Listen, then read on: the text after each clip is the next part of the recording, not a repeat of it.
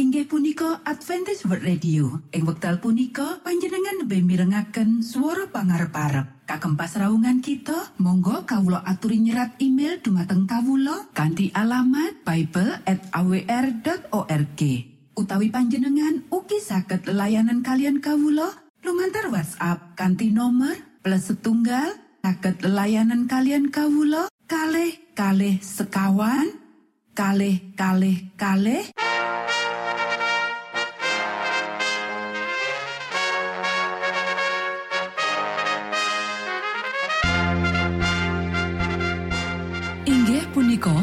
Adventist World Radio ingkang giaran kanti basa Jawi. Tentrem Rahayu kula aturaken kagem para mitra kinasih ing pundi papan lan panggonan. Sugeng pepanggian malih kalian Adventist World Radio. Kanti bingahing manah Kulo badi sesarengan kalian poro mitra kinasi lumantar saperangan adicara ingkang sampun rinonci mligi kagem panjenengan sami. Mugi giaran punika saged migunani tuwin dados berkah kagem kita sedaya. Sugeng midhangetaken Gusti amberkahi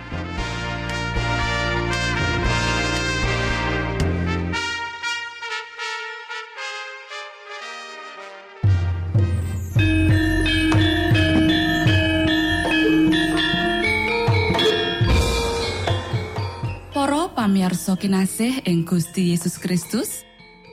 Ing wekdal punika kita badhe sesarengan ing adicara ruang kesehatan. Ingkang saestu migunani kagem panjenengan saha kita sami. Tips utawi pitedah ingkang dipun aturaken ing program punika tetales dawuhipun Gusti ingkang dipunnyatakaken ing kitab suci. Semanten ugi sakehing seratan ingkang dipun wangsitaken dening Gusti Allah. Nanging saderengipun monggo kita sami midhangetaken kidung pujian.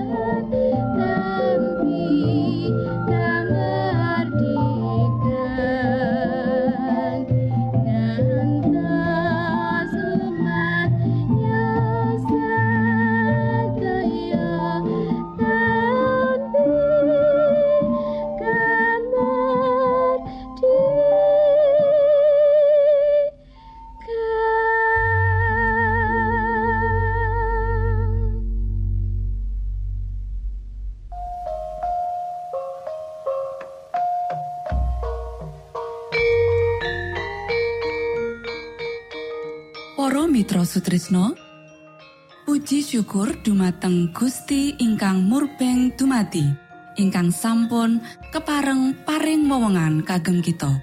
Satemah saged nglajengaken ruang kesehatan. Pirembakan kita semangke kanthi irah-irahan. Pakarian Elia lan Yohanes Pembaptis sawijining tulodo.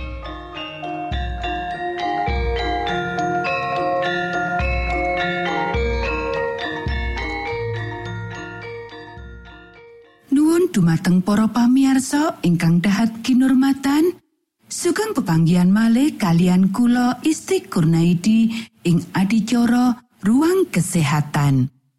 Ing dinten punika kanthi irah-irahan pakaryan Elia lan Yohanes Pembaptis sawijining tulodo. Para sedherek ingkang kinasih, Rasul Paulus paring pitutur marang pasamuan. Kang iku para sedulur, marga saka sih kamirahane Gusti Allah, aku pitutur marang kowe. Padha nyaosno badanmu minangka kurban kang urip lan suci sarta kang tadi keparengi Gusti Allah ya iku pangibadahmu kang sejati Panjur manungsa bisa ngregeti badane kanthi pemanjaan sing kebak dosa menawa kacemar dheweke ora pantes dadi manungsa rohani lan ora pantes ing swarga. Menawa manungsa gelem nampa pepadang Gusti Allah sing diparingake ngenani reformasi kesehatan dheweke bisa disucikake lumantar kabeneran lan dilayakake kanggo kelanggengan. Nanging menawa dheweke nolak pepadang iku lan urip sakjroning paneraan hukum alam dheweke kudu nampa hukumane para sedherek ingkang kinasih sak suwene mataun-taun Gusti Allah wis narik kawikaten umate marang reformasi kesehatan. Iki salah siji cawang pakarian sing dicawisake kanggo karawuhane putra manungsa. Yohanes Pembaptis muncul sakjroning roh lan kuasa Elia kanggo ngrintis talan kanggo Gusti lan ngalihake menungsa marang kawicaksanan wong bener. dheweke makili wong-wong sing urip ing jaman pungkasan sing marang dheweke dipercayakake Gusti Allah kabeneran suci kanggo karawuhan Sang Kristus. Yohanes ya iku sawijining reformator. Malaikat Gabriel sing diutus langsung saka swarga menehi keterangan ngenani reformasi kesehatan marang Romo lan ibune Yohanes.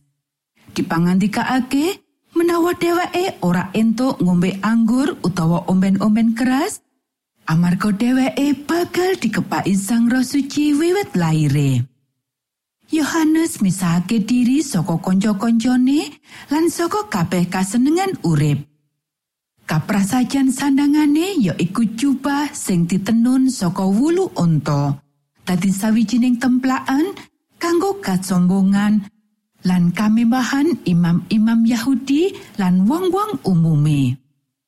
Panganane ya iku sayur-sayuran, kacang-kacangan lan madu.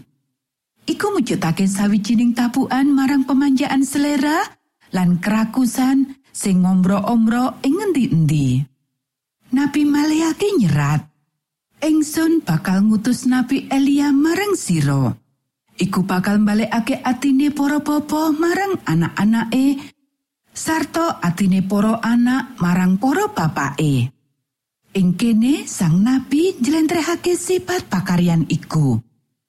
Kanggo wong-wong sing ngrintis dalan kanggo karawuhane sang Kristus kang kaping pindho sing diwakili dening Elia sing setya kaya dene Yohanes teka sakjroning roh Elia nyediakake dalan kanggo karawuhane sing sepisan. Para sederek ingkang kinasih, perkara reformasi iki kudu dibangkitake lan pikiran menungso kudu digugah. Pertarakan sakjroning kabeh bab kutune disambungake karo pekabaran iku, ya iku ngalihake ati umat Allah saka panyembahan prahala, saka kamurkan lan saka kasombongan nyandang lan liya-liyane. Matur nuwun, Gusti amberkahi.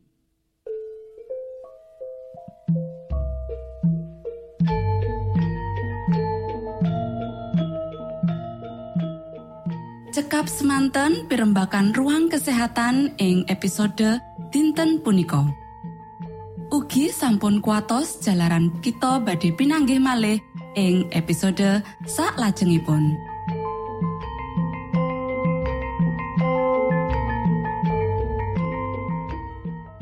Inggih punika adicara ruang kesehatan. Menawi panjenengan gadah pitakenan utawi ngersaakan katerangan ingkang langkung, Monggo Kulo aturi Kinton email dateng alamat ejcawr@ gmail.com utawi lumantar WhatsApp kanti nomor 025 pitu 00 songo songo papat 00 pitu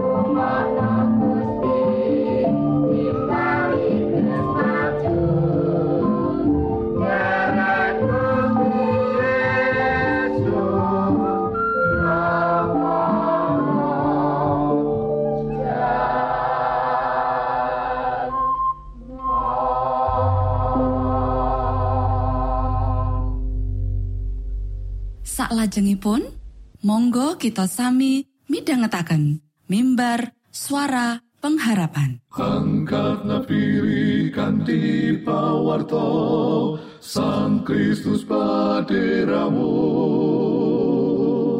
Pro umat samyo puji asmanyo Sang Kristus paderamu. Inggih punika mimbar suara pengharapan ing episode punika kanthi irah-irahan. Esther lan Mordekai. Sugeng tondo Sang Kristus paderamu Ilmu kawero tambah lan tambah. Sang Kristus paderamu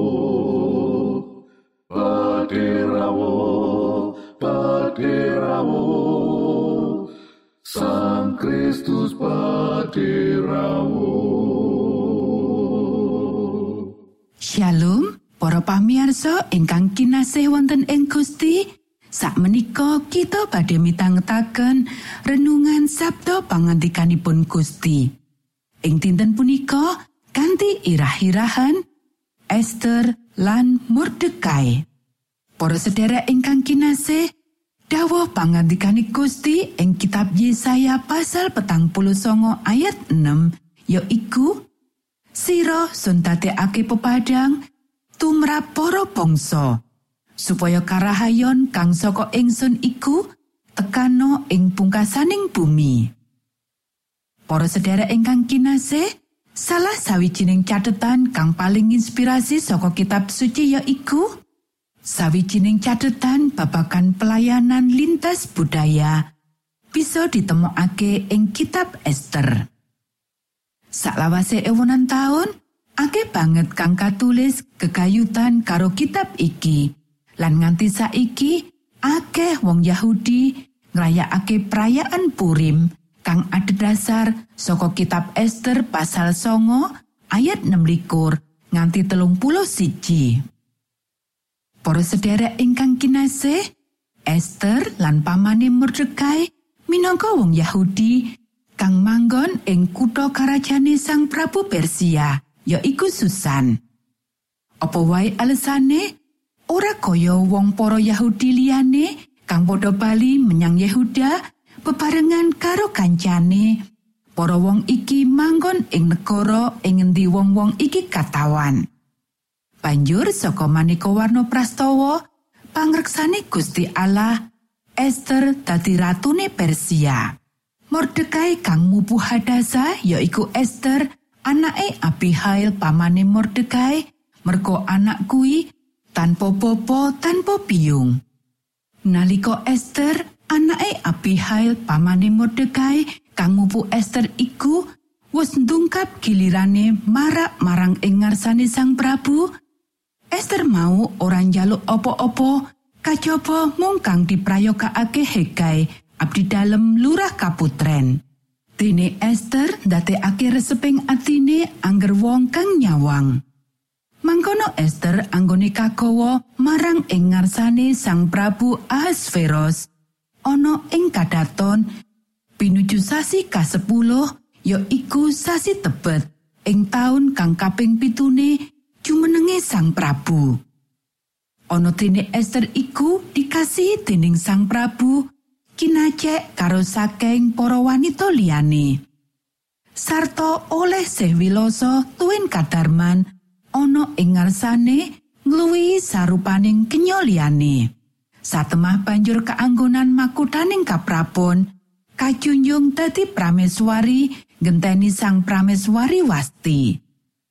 Nuli sang Prabu mangun bujana kanggo saking panggedene tuwin para bunggawane ya iku pujanane sang prameswari Esther karo dene sang nata nyuwak pajek tumrap daerah-daerah lan paring ganjaran kaya dene salumrahing ratu. Esther pasal loro ayat 15 nganti wolulas. Para sederek ingkang kinasih, saka kadapuan iki, senau sorota kapeksa, Esther sanggup kanggo nglakoni dapuan pinunjul ing sajroning sejarah kitab suci. Kanti cara nyeleneh, ceritane iki nuduhake kepiye umating Gusti Allah malah jroning lingkungan kang munco bisa nyeksekake babagan kabeneran. Monggo kita sami ndedonga.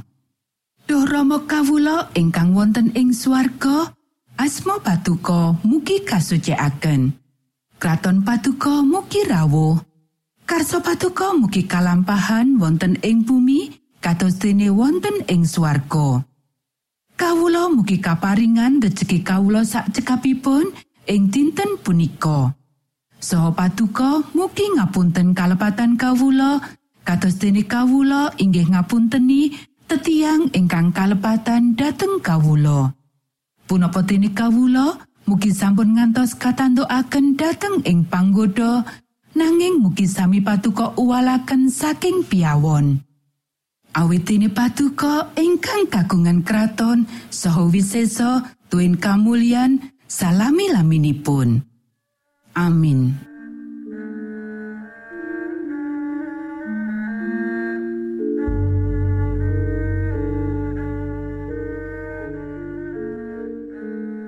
Mitra Sutrisno pamiarsa kinasih ing Gusti Yesus Kristus.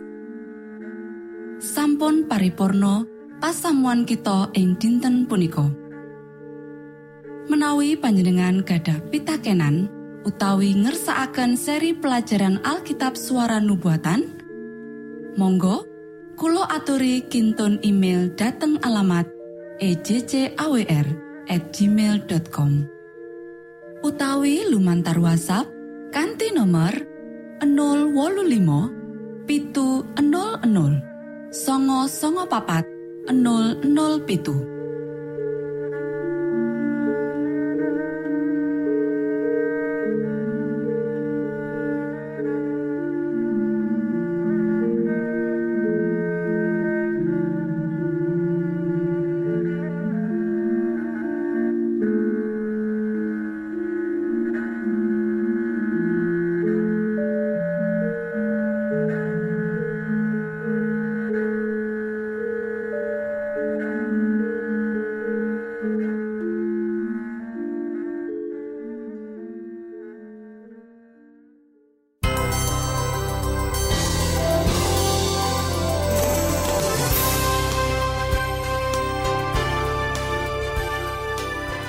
Matur nuwun kagem wektalipun kita badhe pinanggih malih ing gelombang ugi wekdal ingkang sami.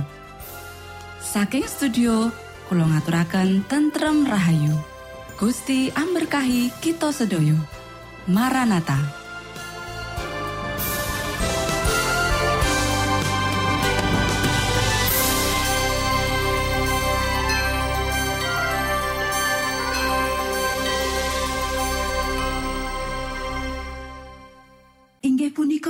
Adventist World Radio. Ing wekdal punika panjenengan lebih mirengaken suara pangarep-arep. Kagem pasraungan kita, monggo kawula aturi nyerat email dumateng kawula kanthi alamat bible@awr.org. Utawi panjenengan ugi saged layanan kalian kawula lumantar WhatsApp kanthi nomor plus setunggal saged layanan kalian kawula kalih kalih sekawan kalih kalih kalih